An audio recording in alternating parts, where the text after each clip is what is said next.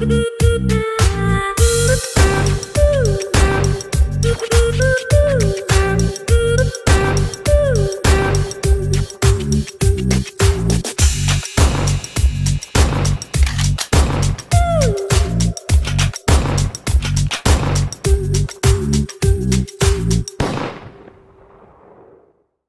teman-teman semua. Nah, saat ini kita lagi ada di channelnya Sintesa Indonesia. Nah, kali ini kita berada di kantor Pusdiklat Pajak. Saat ini kita sedang bersama Bapak Haryo Damar.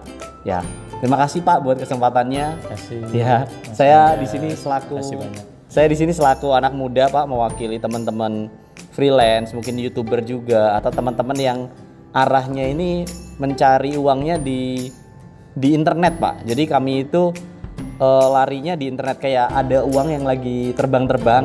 Nah kali itu nangkepin. Oh, kami nggak iya. dibayar sama sama bos kami, tapi kami nangkepin lewat peluang-peluang yang kami lakukan gitu kayak cari algoritma dan lain-lain gitu Pak. Nah, eh, mungkin kurang lebih gambarannya seperti itu untuk pekerjaan kami ya mirip seperti pedagang lah gitu. Cuman bedanya kami nggak ada barang yang didagangin secara real gitu Pak. Eh, pertanyaan saya Pak untuk hal semacam ini mekanisme pajaknya kurang lebih seperti apa ya Pak ya untuk pekerjaan kami? Seperti itu Pak. Eh, mekanisme pajak itu yang sekarang yang di, sedang diusulkan kan dipotong ya. Harusnya nanti dipotong nah nanti tinggal platform itu ya kalau yang mudah itu mereka motong. Oh otomatis ya Pak. ah motong otomatis. Tapi eh, nanti dilihat lagi apa betul begitu karena eh, sebetulnya setiap orang begitu punya penghasilan nanti tahu nggak PTKP Oh Pak, Pak potong penghasilan tidak kena pajak. Nah, Betul. itu dihitung.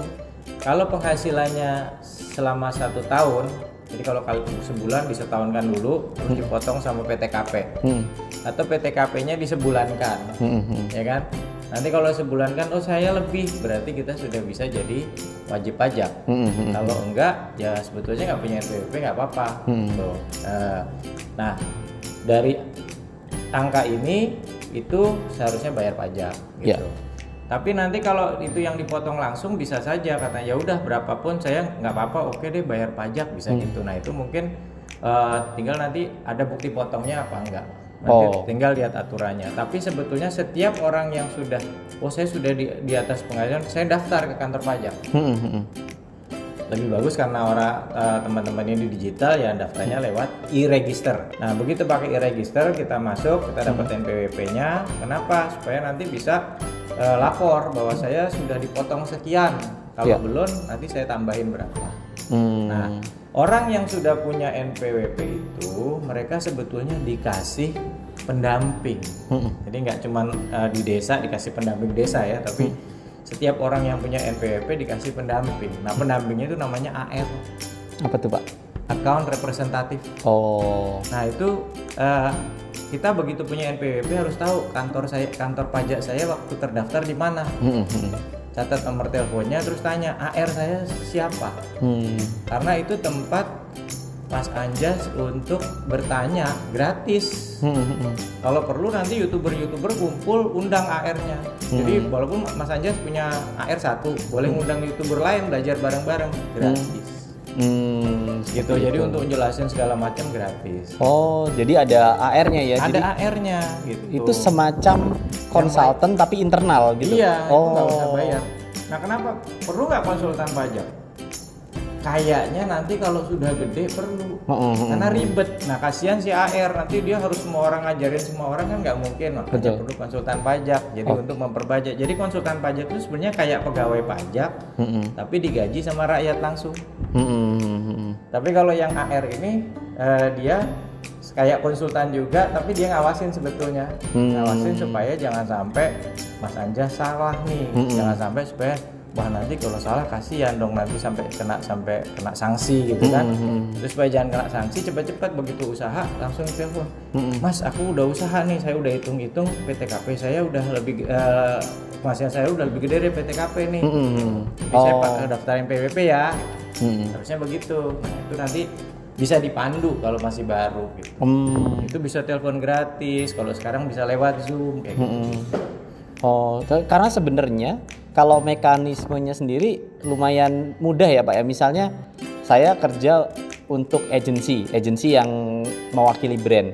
Itu kan ada bukti potong pajaknya ya Pak ya. Nah, kalau dipotong lewat agensi lebih enak. Mm-mm, Karena betul, bisa minta bukti potong. Betul. Itu udah nanti 1721-nya kita minta. Hmm. SPT 1721-nya setiap tahun gitu. Tapi kalau kerja sama berapa tempat, agensi agensi A, agensi B kan dia motoknya tetap 5%. Hmm, hmm, hmm. Nah, itu harusnya dihitung dulu berapa kelebihannya karena kan tarif pajak progresif. Betul, betul. Jadi nanti pas ditambah tiga, toto kita jadi progresif. Nah, lebihnya ini harusnya kita tabung dulu Hmm. supaya nanti wah nanti pas hari hanya kita bayarin udah nggak nggak ini lagi nggak apa em, duitnya udah nggak keburu kepake takutnya mobilnya udah dibeli Lamborghini gitu.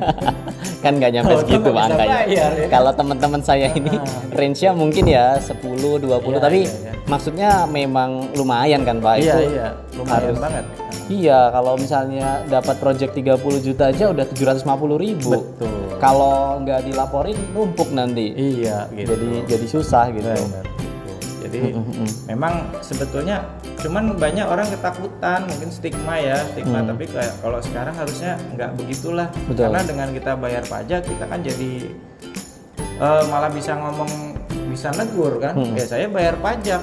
Kenapa kok saya diperla- eh, saya diperlakukan begini? Kenapa kok servisnya? Kenapa jalan nggak bagus? Kenapa begini?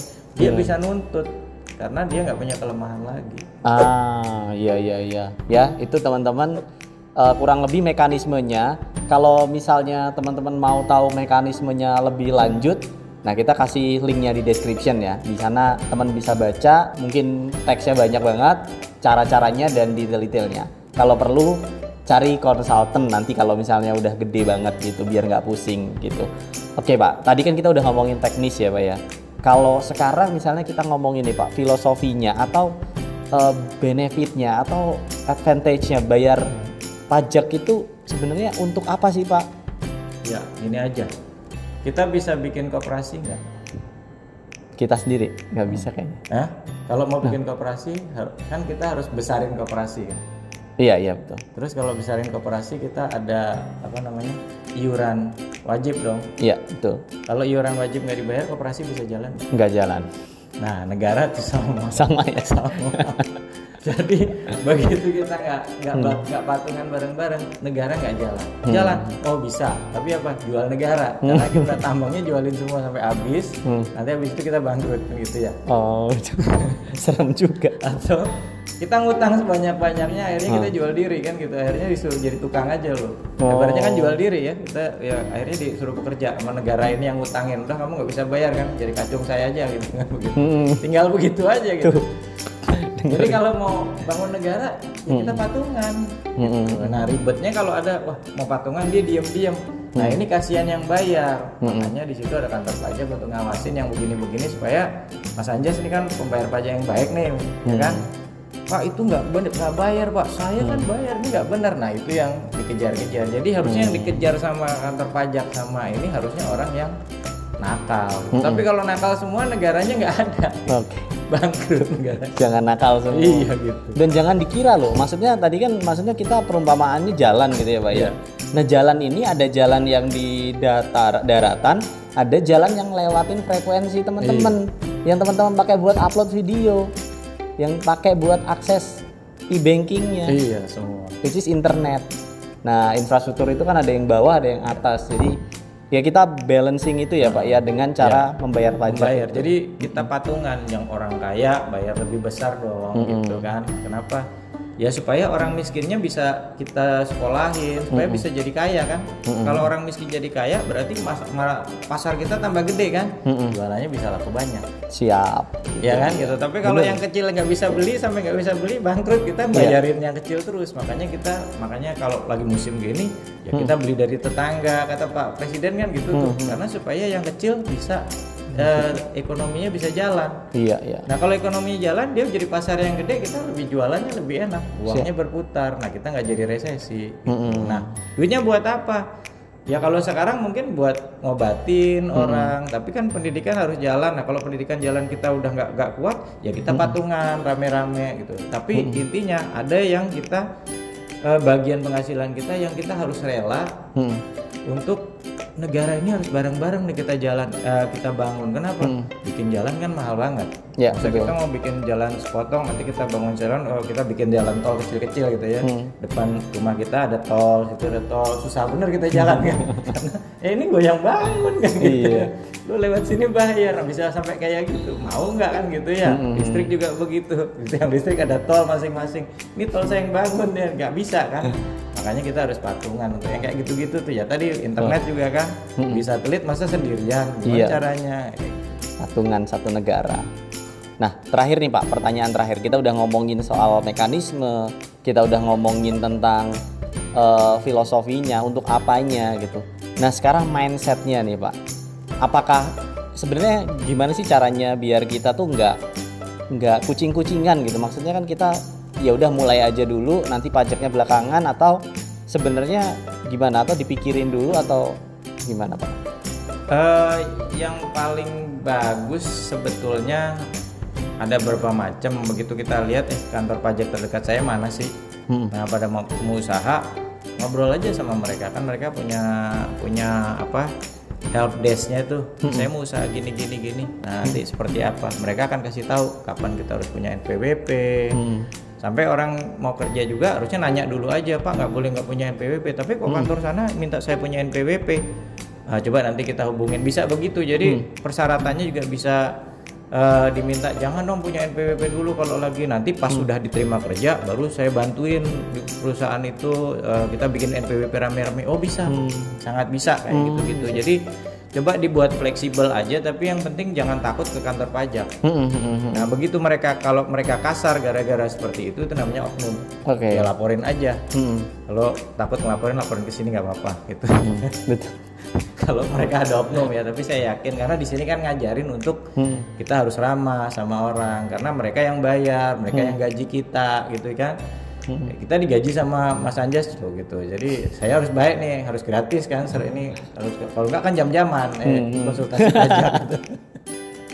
Jadi ini konsultasi gratis gitu ya. Jadi, eh, itu kita kasih gratis kenapa? Loh, Mas Anjas yang bayarin saya. Ada bagian penghasilan Mas Anjas yang sampai ke pegawai negeri Iya. untuk melayani orang-orang gitu. Jadi kita harus jaga. Makanya orang namanya di pajak yang pertama kali ini coba deh integritas kita kita jaga. Nah kalau di sini kita ajarin begitu. Kita nggak boleh jahat sama orang, nggak boleh berpikiran yang aneh-aneh. Terus kemudian kita ramah Hmm. sama orang ya seramah mungkin gitu. Nah, terus kalau kita dia jahat, ya jahat nanti biar undang-undangnya aja, karena undang-undang pajak yang buat juga Mas Anjas gitu. Jadi yang buat undang-undang pajak itu sebetulnya rakyat. Hmm. Mekanismenya aja pakai DPR dan pemerintah. Hmm, jadi ya bisa dipikirin di awal, bisa juga eh, di tengah-tengah sambil jalan. Ah iya, Tapi yang- kalau sambil jalan juga bisa, karena ini kan belum setahun. Betul, betul, Sehingga sebelum setahun kita udah di tengah jalan kita ngobrol dulu. betul. Oh, ah, Pak, saya udah punya ini penghasilannya begini. Oh itu, nanti kan dibayarnya di, di bulan eh, Maret ya, bulan Maret kayak gitu gitu. Kalau perusahaan di bulan April kan, di akhir bulan April. Jadi harusnya kita mulai dari sekarang. Kalau udah telat, ya kita datang. Justru sekarang kita bisa minta angsuran. Hmm, hmm, hmm, hmm. Nah, mengangsurnya bisa lebih panjang, jangan sampai udah diperiksa. Kalau diperiksa ngangsurnya kan bisa satu tahun cuman. Tapi kalau kita nggak nggak sampai diperiksa, kita bisa ngangsur sampai min- maksimal lima tahun kalau lagi. Tapi kalau udah di tahun kedua ya tinggal kita tiga tahun gitu kan. Kita punya batas daluarsanya lima tahun. Hmm, hmm, hmm. Jadi datanglah sebelum justru belum ada pemeriksaan karena pasti akan lebih eh, ringan kalau utangnya ada. Hmm. Jadi jangan sampai ada diperiksa dulu. Gitu. Nah, kalau dengan kemauan sendiri kita masih bisa pakai pasal-pasal untuk menghapus dan mengurangi sanksi. Hmm. Syaratnya kita transparan aja. Ini itu saya gini, saya nggak ngerti bagaimana. Pokoknya saya buka semua.